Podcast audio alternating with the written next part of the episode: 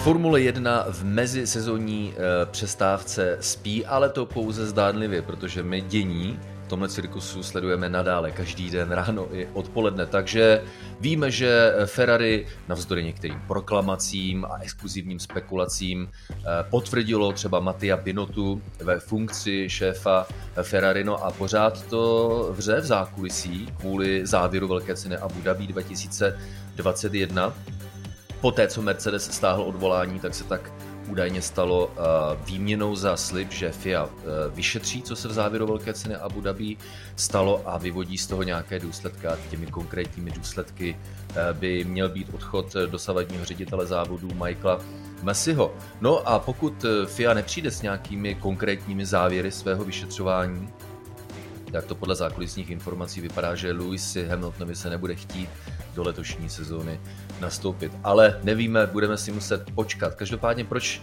jsme se tady dneska potkali v nejnovější epizodě podcastu Kolo na kolo, protože se už nechceme úplně hnipat v loňské sezóně, ta už je tak rok stará. Každopádně přinesla řadu zajímavých příběhů, o kterých si myslíme, že by mohly posloužit jako inspirace do budoucna pro letošní sezonu a ty další. A tak těchto konkrétně 8 příběhů jsme se rozhodli zmínit v nové eh, epizodě podcastu Kolo na kolo a hlavně si popovídat o tom, jak by to letos mohlo vypadat jinak.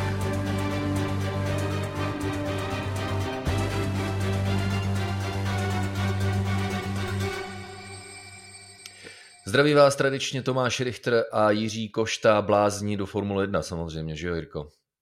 365 dní v roce, jak se teď ukazuje. zdravím tebe a zdravím i naše posluchače.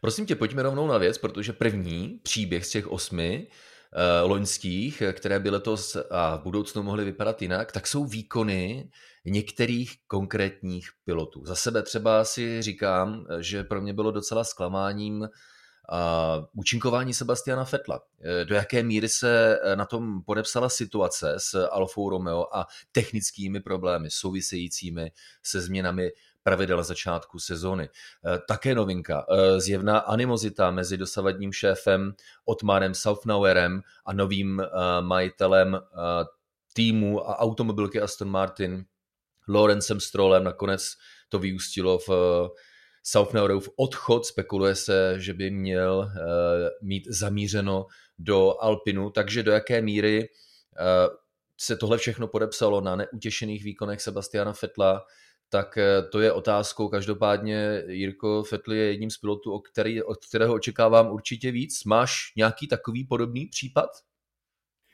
No, nejen Sebastian Vettel, ale určitě i Daniel Ricardo, protože Australan dokázal vyhrát, pokud se nemýlím, s Monzou už 11 závodů ve Formuli 1, ale ta jeho loňská sezóna byla hodně špatná a hodně za očekáváním. A nebyl to vůbec Ricardo, mně přišlo spíš, jak kdyby tam naskočil nějaký jiný Australán a zaskočil za něj, ale to je určitě něco, co bude podle mě velké překvapení letošní sezóny a myslím si, že Dany klidně může bodově skončit před Landem Norrisem a to hodně fanoušků si nemyslí.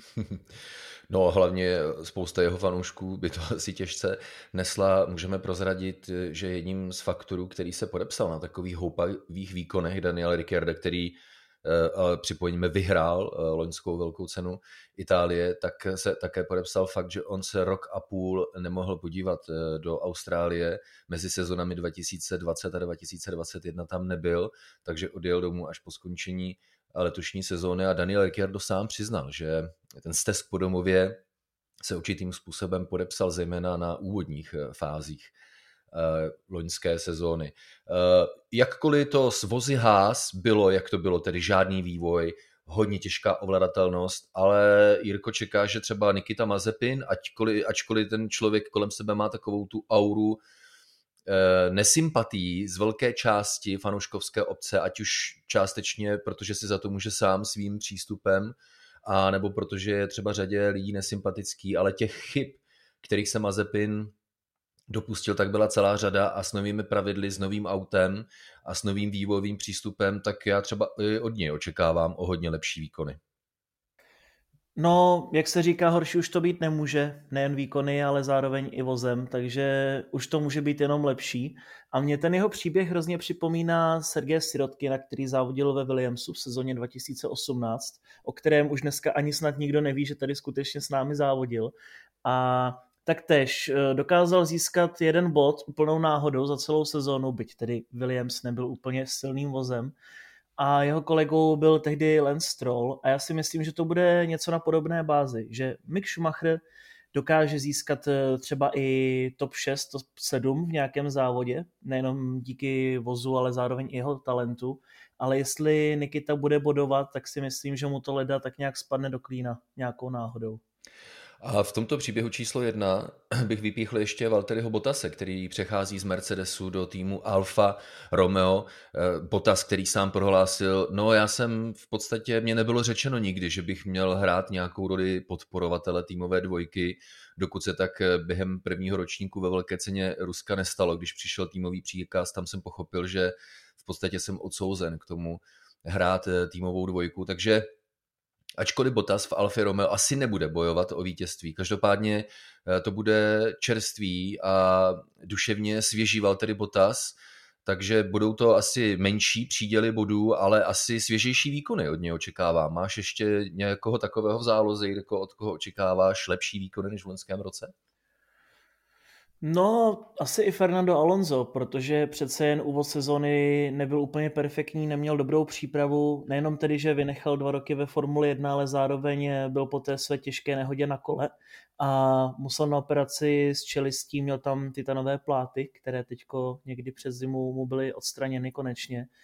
A už ta ten konec sezóny byl takový silnější, řekněme, Katar, fantastický závod, ale pořád tam byly taková okna, netypická pro Fernanda Alonso, si myslím, takže to je také určitě zase El Matador, který může zabrat a ještě nás překvapit, i kdyby ten vůz Alpinu nebyl stoprocentní. Uvidíme, určitě i řada pilotů, o kterých bychom se takto mohli bavit. Jedna z otázek takových řečnických, co mě napadá, co lepšího, čekat od Maxe Verstappena, napadá tě něco? tak pakliže jste antifanoušky Maxe Verstappena, tak určitě, aby bylo méně penalizací a méně kontaktů a takové věci. A jinak si myslím, že Max Verstappen konečně vždycky vyzral a má konzistentní výkony a i když ten vůz na to nemá, tak prostě dokáže vždycky přivést z toho maximální výsledek, takže on už je vždycky tam, kde by měl být, ale myslím si, že ta sezóna bude pro Red Bull náročná. Jsem přesvědčen, že uh, počet penalizací, potažmo vyšetřování a kolizí bude přímo úměrný uh, síle jeho konkurence, potenciální.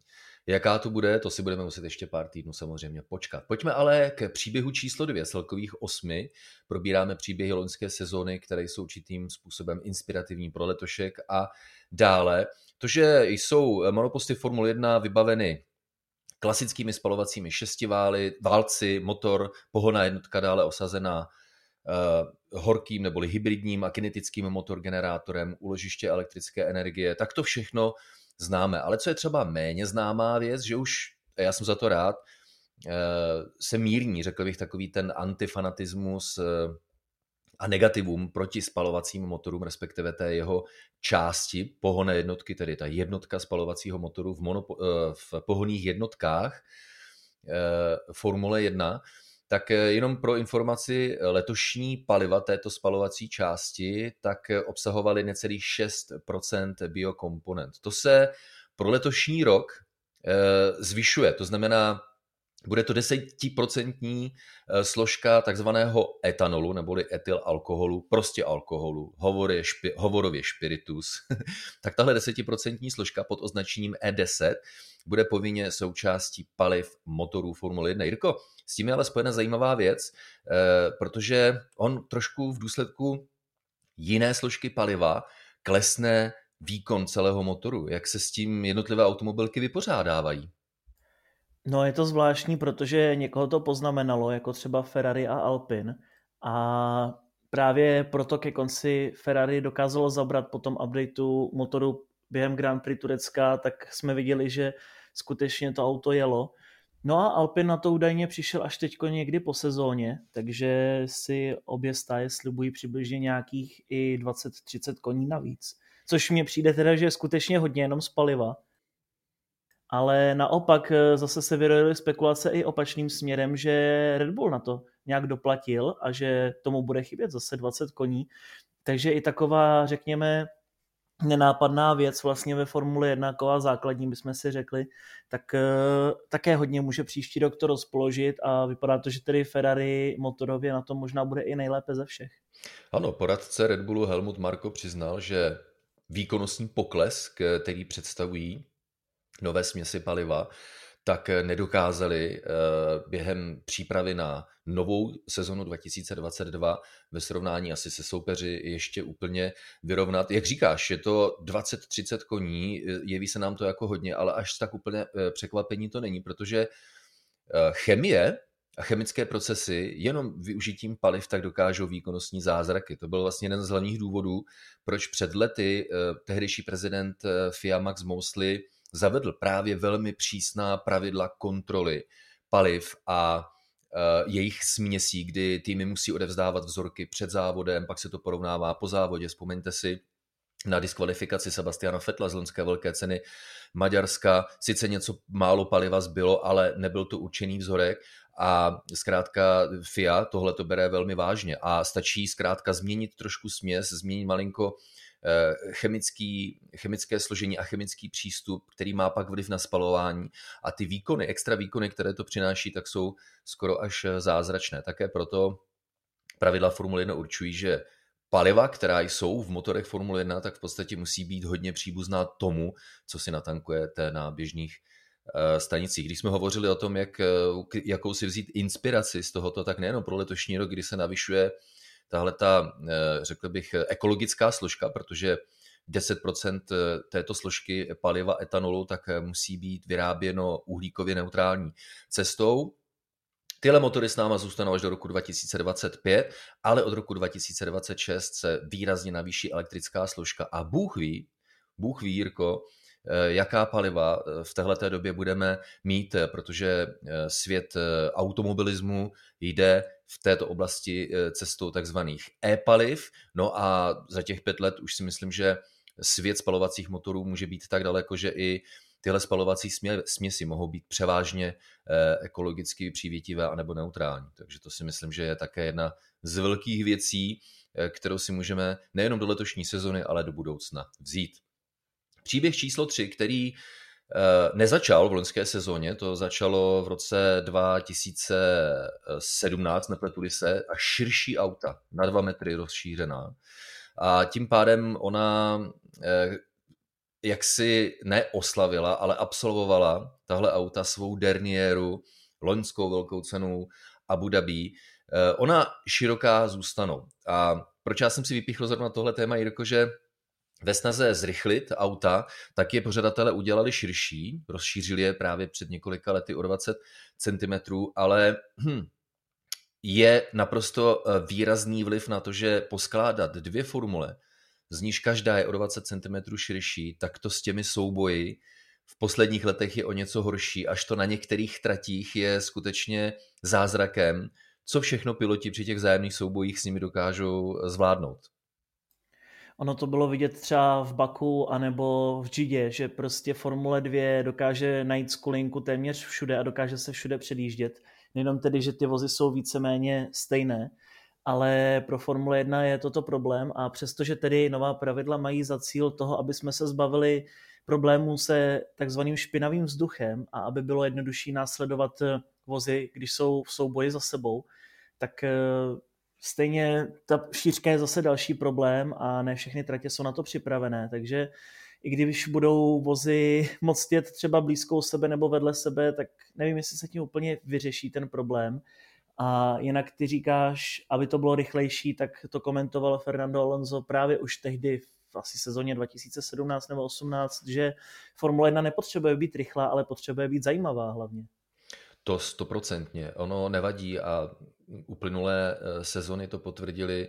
Je jedno, jestli je ta formule na kolo o 3 sekundy rychlejší nebo pomalejší. I kdyby jezdila na kolo o 5 sekund pomalejší časy a jezdci se svými vozy dokázali mezi sebou bojovat, tak to bude ta atraktivní, tak to bude ta zajímavá Formule 1.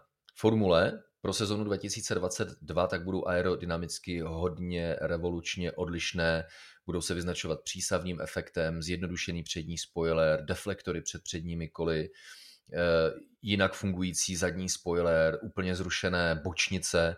Takže aerodynamicky by to měl být vůz, který nebude vytvářet takové silné turbulence v závěsu, ale bývalý pilot Formule 1 Nico Hülkenberg, který tráví hodně času na simulátoru s novými formulemi, tak je takový trošku skeptičtější, že jízda v závěsu, což je jeden z hlavních cílů těchto nových formulí, aby byla jízda v závěsu v úplavu nebo v aero Eh, dynamickém vaku nebo turbulenci, chcete-li, jednodušší, tak Nico Hülkenberg trošku varuje, ať ta naše očekávání nejsou tak velká, že?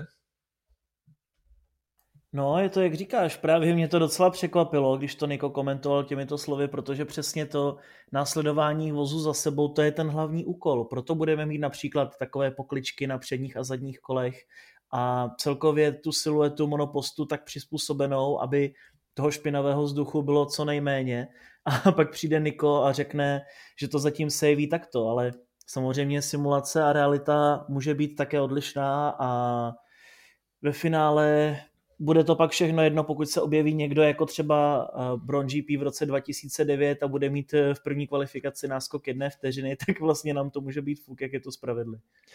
Takže veliká formule. Eh, to je problém eh, příběhu nejenom loňské sezony, ale vypadá to, že tady se ta příležitost nechytne. Zapače si formulová auta budou nadále eh, hodně široká, ale budou mít výraznou aerodynamiku. Jak bude fungovat, na to si budeme muset počkat, ale je to také jedno z našich velkých očekávání v letošní sezóně. A tímto volně přejdu ke čtvrtému tématu, a to jsou výkonnostní rozdíly mezi jednotlivými týmy výkonnostní rozdíly mezi jednotlivými vozy. Když se podíváme zpátky na celou loňskou sezonu, tak to bylo nádherně vidět. Mercedes a Red Bull bojovali o titul mistra světa a tím pádem svá auta vyvíjeli až do konce sezóny.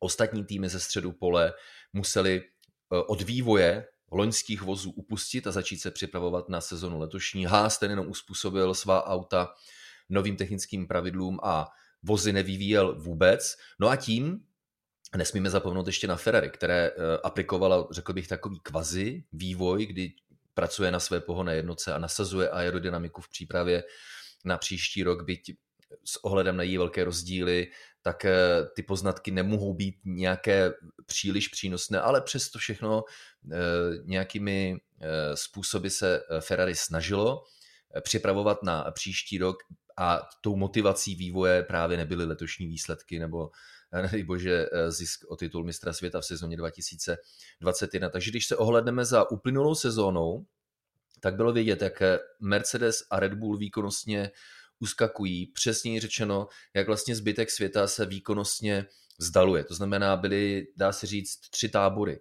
Mercedes, Red Bull, pak střed pole. Tam to bylo zajímavé, protože týmy ze středu pole, tím jak ukončili vývoj Eh, v, zhruba v polovině sezóny, tak zůstali na té podobné výkonnostní úrovni, což mělo pak za následek zajímavé boje, což je plus.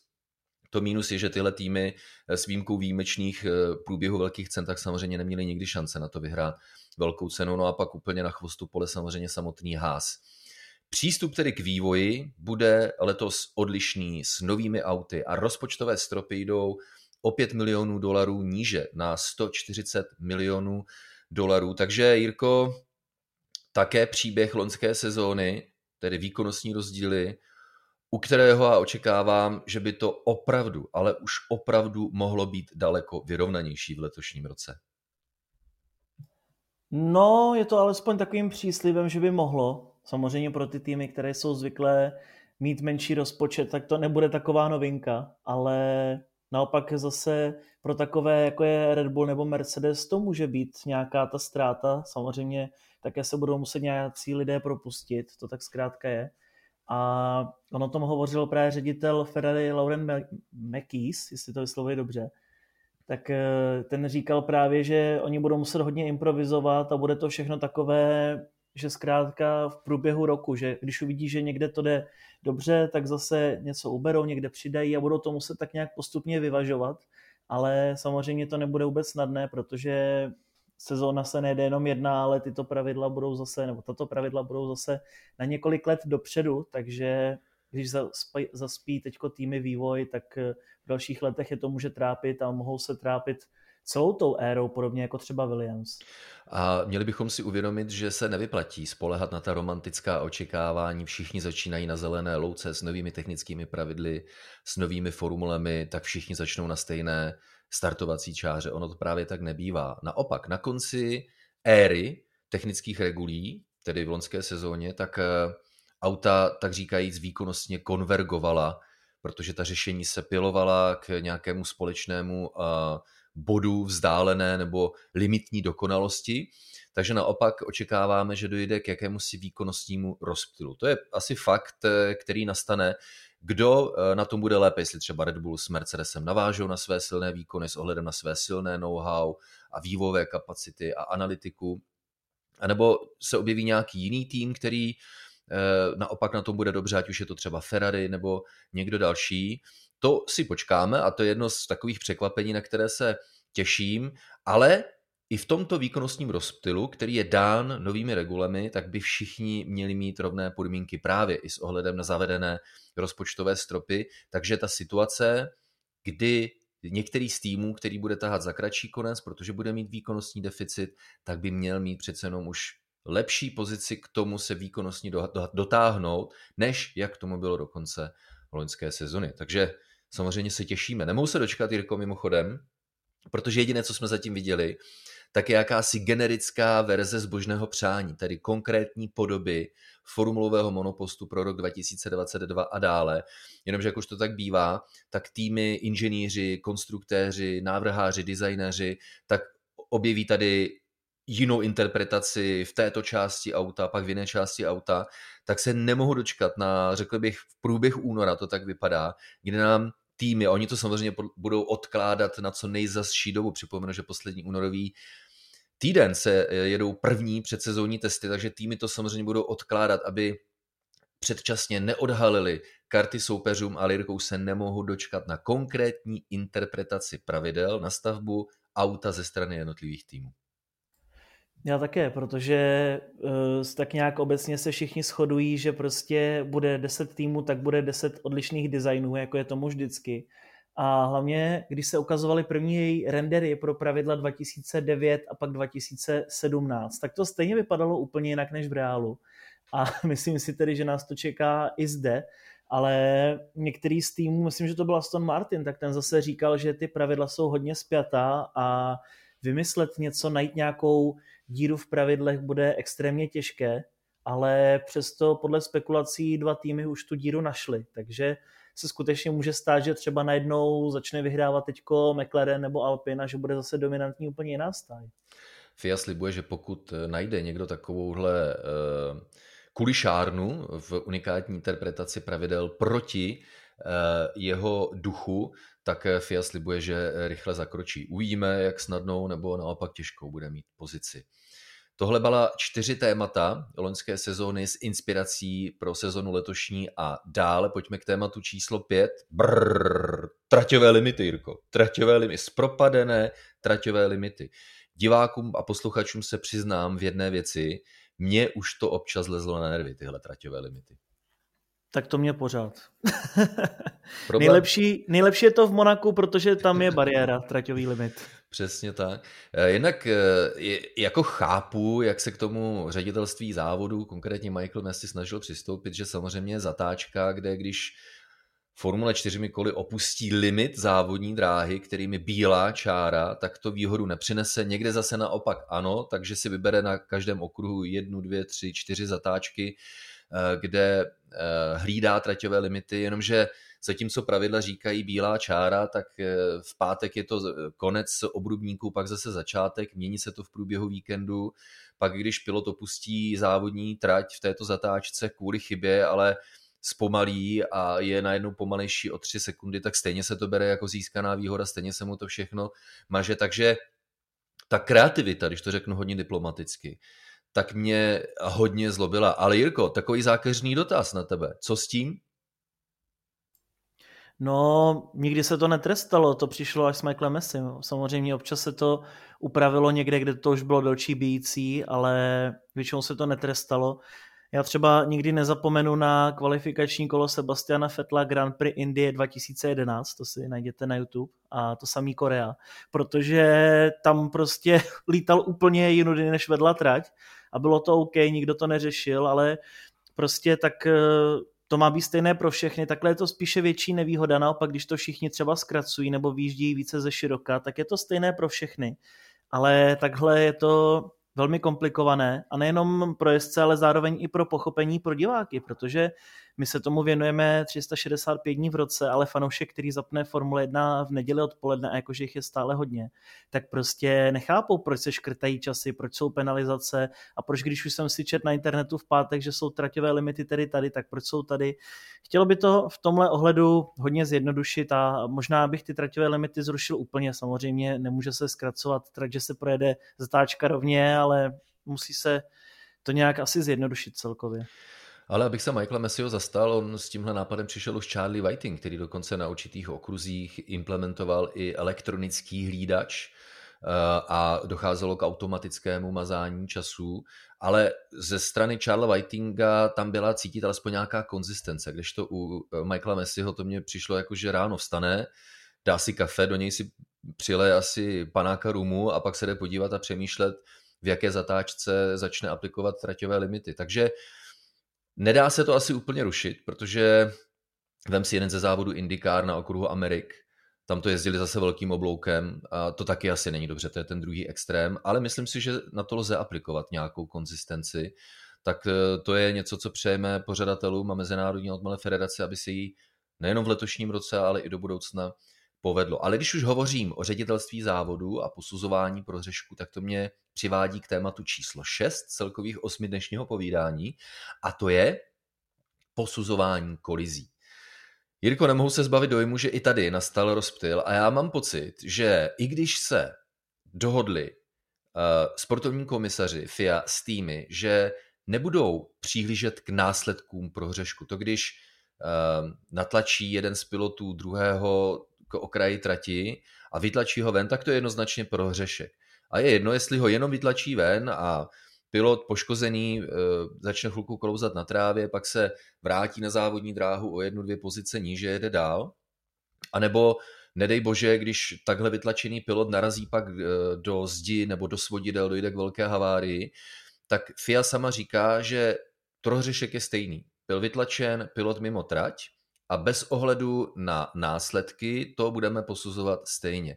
Jenomže škála posuzování byla v loňském roce asi nejširší, co já pamatuji. Byly incidenty, které se posuzovaly až příliš přísně a pak incidenty, u kterých i sama FIA, vy z Brazílie, eh, posoudila, no my to bereme jako takovou, jako ve fotbale poskytnutí výhody, hrajte dál.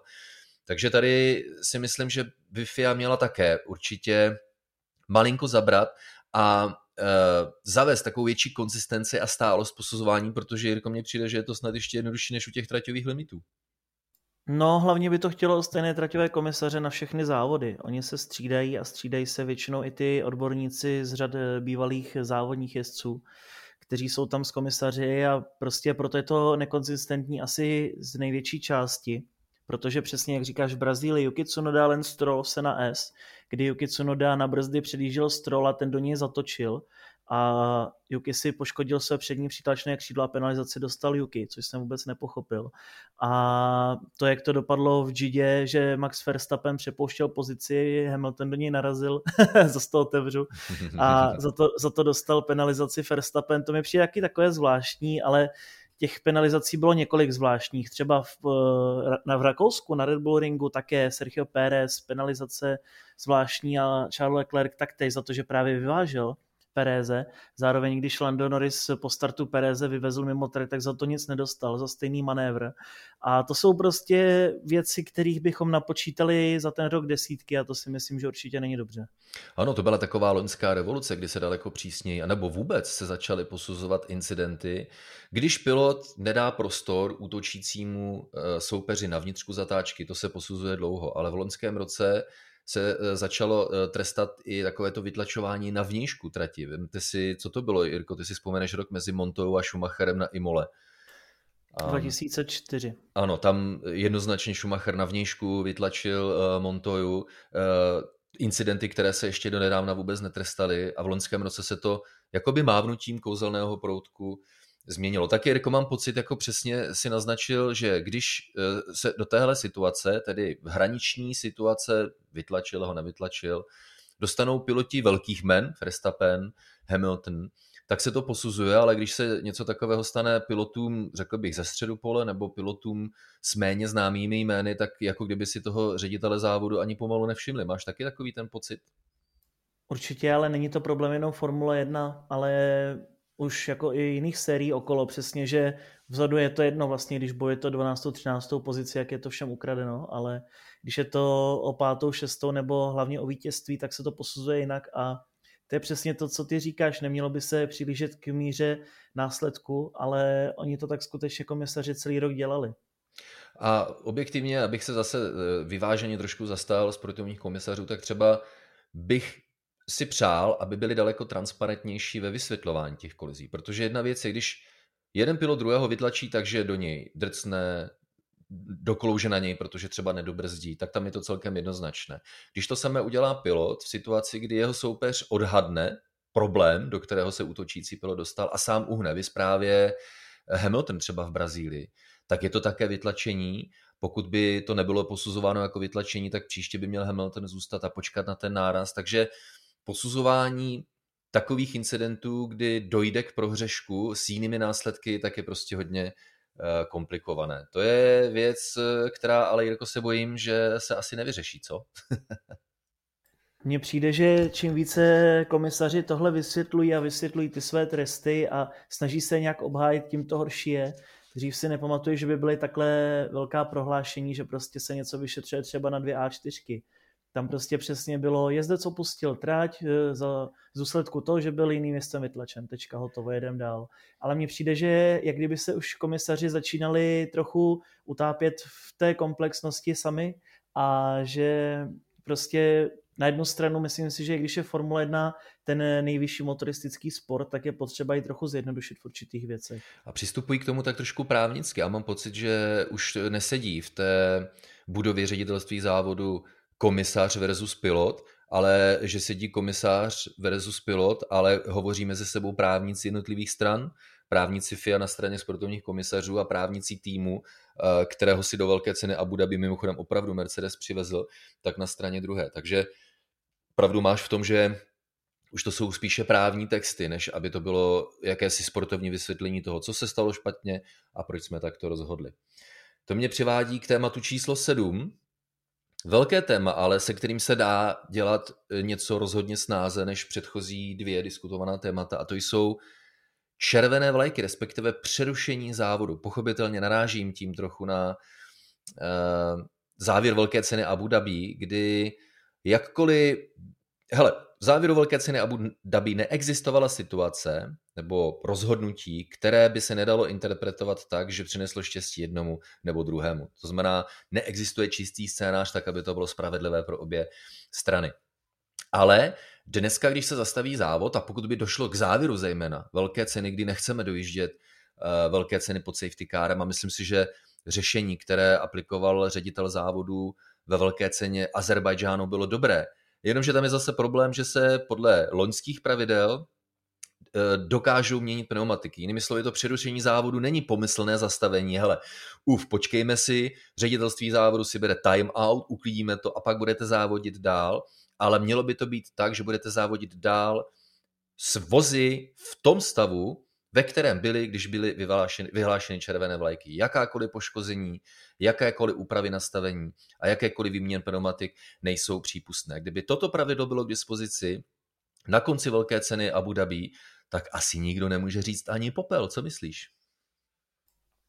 No, já se, já na jednu stranu divím, že se vůbec ty závody restartovaly, třeba když byly červené vlajky, ale to je také podle mě dáno novým ředitelem, protože Charlie Whiting to nějak tehdy v Austrálii 97 zrušil, protože řekl, vy schválně bouráte po startu, aby byly červené vlajky a sedli jste si do náhradní formule. takže pak jsme dlouhé roky neviděli červené vlajky skoro vůbec v závodech. A na tož třeba po takové incidentu, jako bylo zrovna v Saudské Arábii, to si myslím, že dříve bychom červené vlajky vůbec neviděli. A to jsou prostě takové zvláštní věci sami o sobě, že jsou někdy ty rozhodnutí jako zvláštní. To samé, že byla červená kvůli Verstappenově formuli v Azerbajdžánu, že také se to prostě tak nějak všechno zvláštně rozhodlo.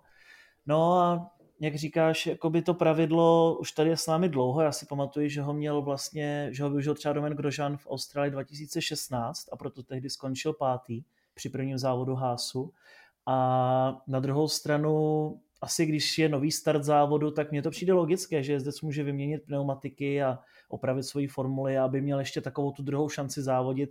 Přece jenom v jiných sériích se to dělá běžně, tak eh, mně přijde tohle to celkem v pohodě, ale na druhou stranu chápu, že vždycky bude někdo spokojený, někdo nespokojený, to tak je. Zase, když by se neměnily ty věci, tak zase třeba v Saudské Arábii by byl Verstappen byt, že by nevyměnil pneumatiky a zase by se hodně propadl on. To tak prostě je to 50 na 50. Asi se shodneme v tom, že červené vlajky nemohou být účelové. Ty mají prostě tu roli, že když už je toho na ředitelství závodu hodně, tak si vezmou timeout, hele teď Nebudeme se věnovat eh, operativně závodním věcem, teď se budeme věnovat odstranění následků incidentu nebo eh, kvůli čemukoliv, eh, kvůli čemu byly vyvěšeny červené vlajky. Takže podsud OK, protože když dojde k nějakému incidentu, tak na trať věde safety car a pořád má ředitelství závodu pohybující se auta na závodní dráze, pořád je tam hodně silná komunikace Eh, vůči traťovým maršálům a od traťových maršálů zpátky na ředitelství závodu, když dojde k poškození svodidel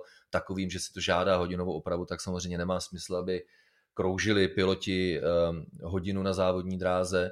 Takže podsud všechno eh, OK, ale přesto všechno, pokud by došlo k nějakému takovému incidentu v závěru závodu a hrozil by výjezd safety caru na trať, tak tady si umím představit, tu asi jedinou účelovost červených vlajek, kdy hele, pojďme to zastavit, protože nechceme v dnešním světě, a to byla Jirko také hlavní motivace, eh, kvůli eh, televizím, když časté červené vlajky měly za následek dlouhá přerušení a bourání programů na tehdejších eh, celoplošných televizích, třeba na Nově to býval velký problém, na programu Sport 1, Sport 2 už to třeba tak velký problém není, i když také občas bývá, když dojde ke kolizím s ostatními programy. Takže červené vlajky co nejméně, v situaci, kdy už to ředitelství závodu nezbytně nutně potřebuje, ale umím si představit, že když hrozí dojezd velké ceny pod safety carem, tak eh, pod, řekl bych, tou eh, principiální hodnotou pojďme diváka bavit, no tak proč nenastavit tu situaci tak, aby se ještě dozávodilo, ať už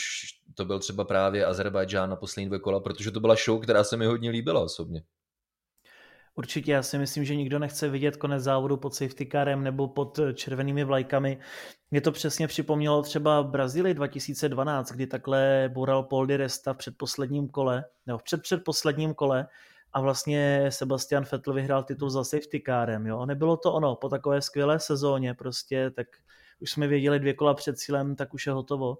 Takže já jsem rád, ať to dopadne jakkoliv, že se restartuje a dojede se to za plné rychlosti. Tak a poslední téma. Eh, já možná trošku odbočím ze světa Formule 1, ale pouze zdánlivě, protože velká cena Formule 1 to není jenom Formule 1, to je celý program, včetně doprovodných závodů a nižších kategorií Formule 2, Formule 3.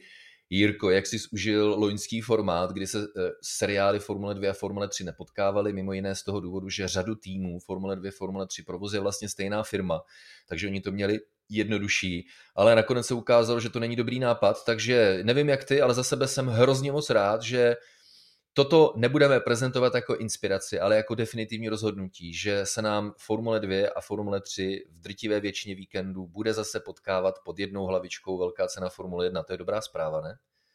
To je rozhodně dobrá zpráva a všichni to chtěli změnit. Nejenom my, nejenom fanoušci, ale i týmy a jezdci, protože Zkrátka, když sám nepovede kvalifikace, tak máte zničené tři závody a ne dva a to je hodně znát, když se vám to takhle stane dva víkendy po sobě třeba.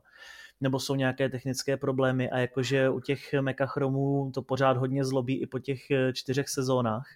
Takže myslím si pozitivní změna, budeme mít tedy 14 závodních víkendů, což je také největší kalendář v historii Formule 2 lomeno GP2 A já se na to těším, tak nějak i člověk dokáže více vstřebávat z toho závodního víkendu a z těch soubojů, co se stalo, protože ty tři závody, to už také kolikrát si nespomenu, co se dělo, protože ve Formuli 2 a ve Formuli 3 se to zpravidla děje tolik během jednoho závodu, že zkrátka na to kapacita nestačí ve dvou dnech. Čeká nás 28 závodů Formule 2 a 18 závodů Formule 3, takže se na to těším. Také pochopitelně soupisky se pozvolna, ale přesto zaplňují, zbývá hodně nepotvrzených míst a k tomu bychom asi potřebovali extra podcast, ale každopádně jedno jméno, Jirko, asi můžeme zmínit a to je jméno českého závodního týmu Charos Racing System, který ve Formuli 2 zrovna dneska oznámil mladého tureckého pilota se zajímavou historií. Jakou?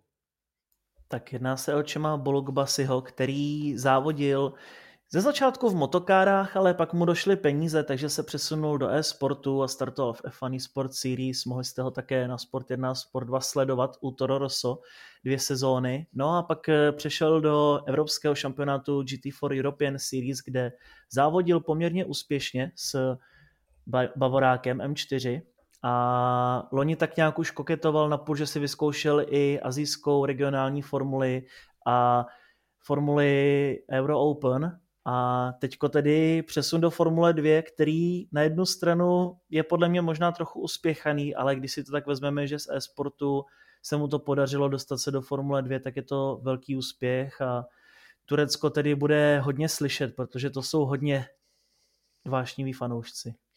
No a silný příběh z e-sportu, ano, je tam reálný základ, jak už si zmiňoval, motokáry a také profesionální závody, ale přesto všechno primárně e-sport a najednou start ve Formuli 2, takže určitě budeme pozorně sledovat. Dámy a pánové, drazí posluchači podcastu Kolo na kolo, tohle byly příběhy loňské sezóny, ze kterých jsme si chtěli nebo minimálně troufli nabídnout inspiraci pro to, jak by to mohlo letos nebo v dalších sezónách vypadat jinak. Na přelomu února a března nás čekají oficiální testy Formule 1, předtím samozřejmě již intenzivně očekávané představovačky, ať už formou snímků počítačových nebo fyzické prezentace, třeba při nějaké slavném uh, gala večeru, anebo až na samotném okruhu ve španělské Barceloně, kde se první oficiální testy konají, ale to je přece jenom ještě daleko, takže za sebe, tedy za Tomáše Richtera a Jirku Poštu vám můžeme slíbit, že v mezidobí se určitě v nějakých epizodách se zajímavým, tedy doufám zajímavým povídáním právě pro vás v dalších epizodách podcastu Kolo na kolo ještě určitě potkáme.